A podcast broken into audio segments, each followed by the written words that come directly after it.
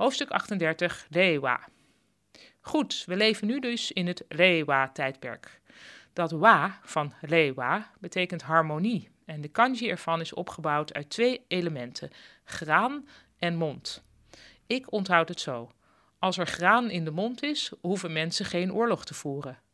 Wa is een belangrijk begrip in Japan, want er moet voortdurend naar harmonie worden gestreefd.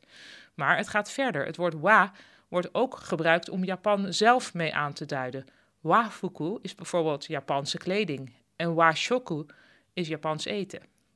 Hoe noem je jezelf als land?